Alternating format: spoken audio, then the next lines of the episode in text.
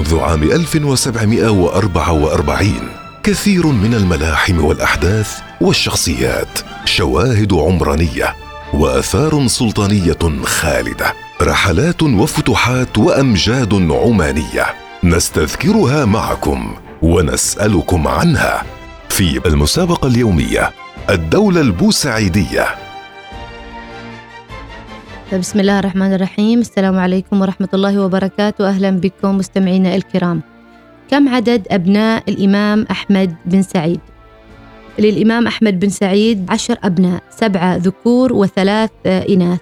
ويمكن أن نستعرض أهم المصادر التاريخية العمانية التي أشارت إلى ذرية الإمام أحمد بن سعيد بدءا بالمؤرخ ابن رزيق في كتابيه السيرة الجلية سعد السعود البوسعيدية وكتابه الفتح المبين في سيرة السادة البوسعيديين وأيضا كتاب العلامة المؤرخ نور الدين السالمي تحفة الأعيان بتاريخ أهل عمان وكتاب المغيري جهينة الأخبار في تاريخ زنجبار وكتاب البطاشي الطالع السعيد نبذ من تاريخ الإمام أحمد بن سعيد. هذه المصادر التاريخية العمانية أشارت إلى ذرية الإمام أحمد بن سعيد.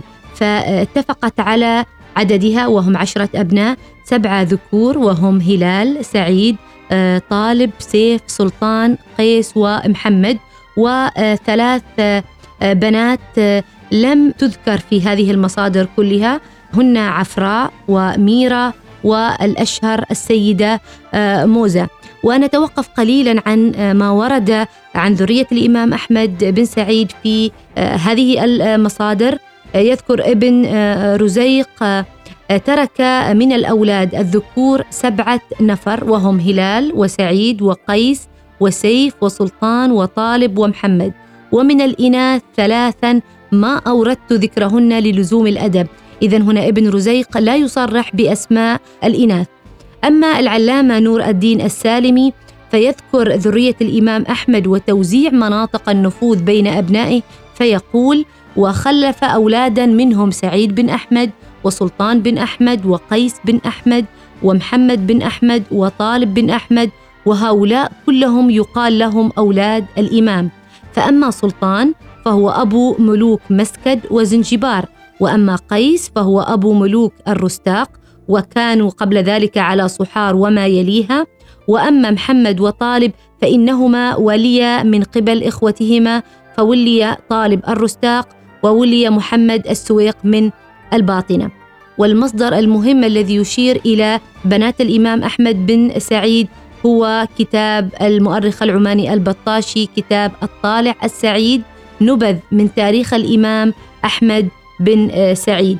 في مجمل حديثه وتاريخه لسيرة الإمام أحمد بن سعيد يذكر كانت وفاة الإمام أحمد بن رستاق سنه 1198 هجري وترك من الأولاد سبعة ذكور وثلاث بنات فالذكور على ترتيبهن في السن هم هلال وسعيد وقيس وسيف وسلطان وطالب ومحمد والبنات ثلاث موزة وعفراء والثالثة لم أطلع على اسمها مع أن المؤرخ ابن رزيق تحاشى عن ذكر أسمائهن لأنهن نساء.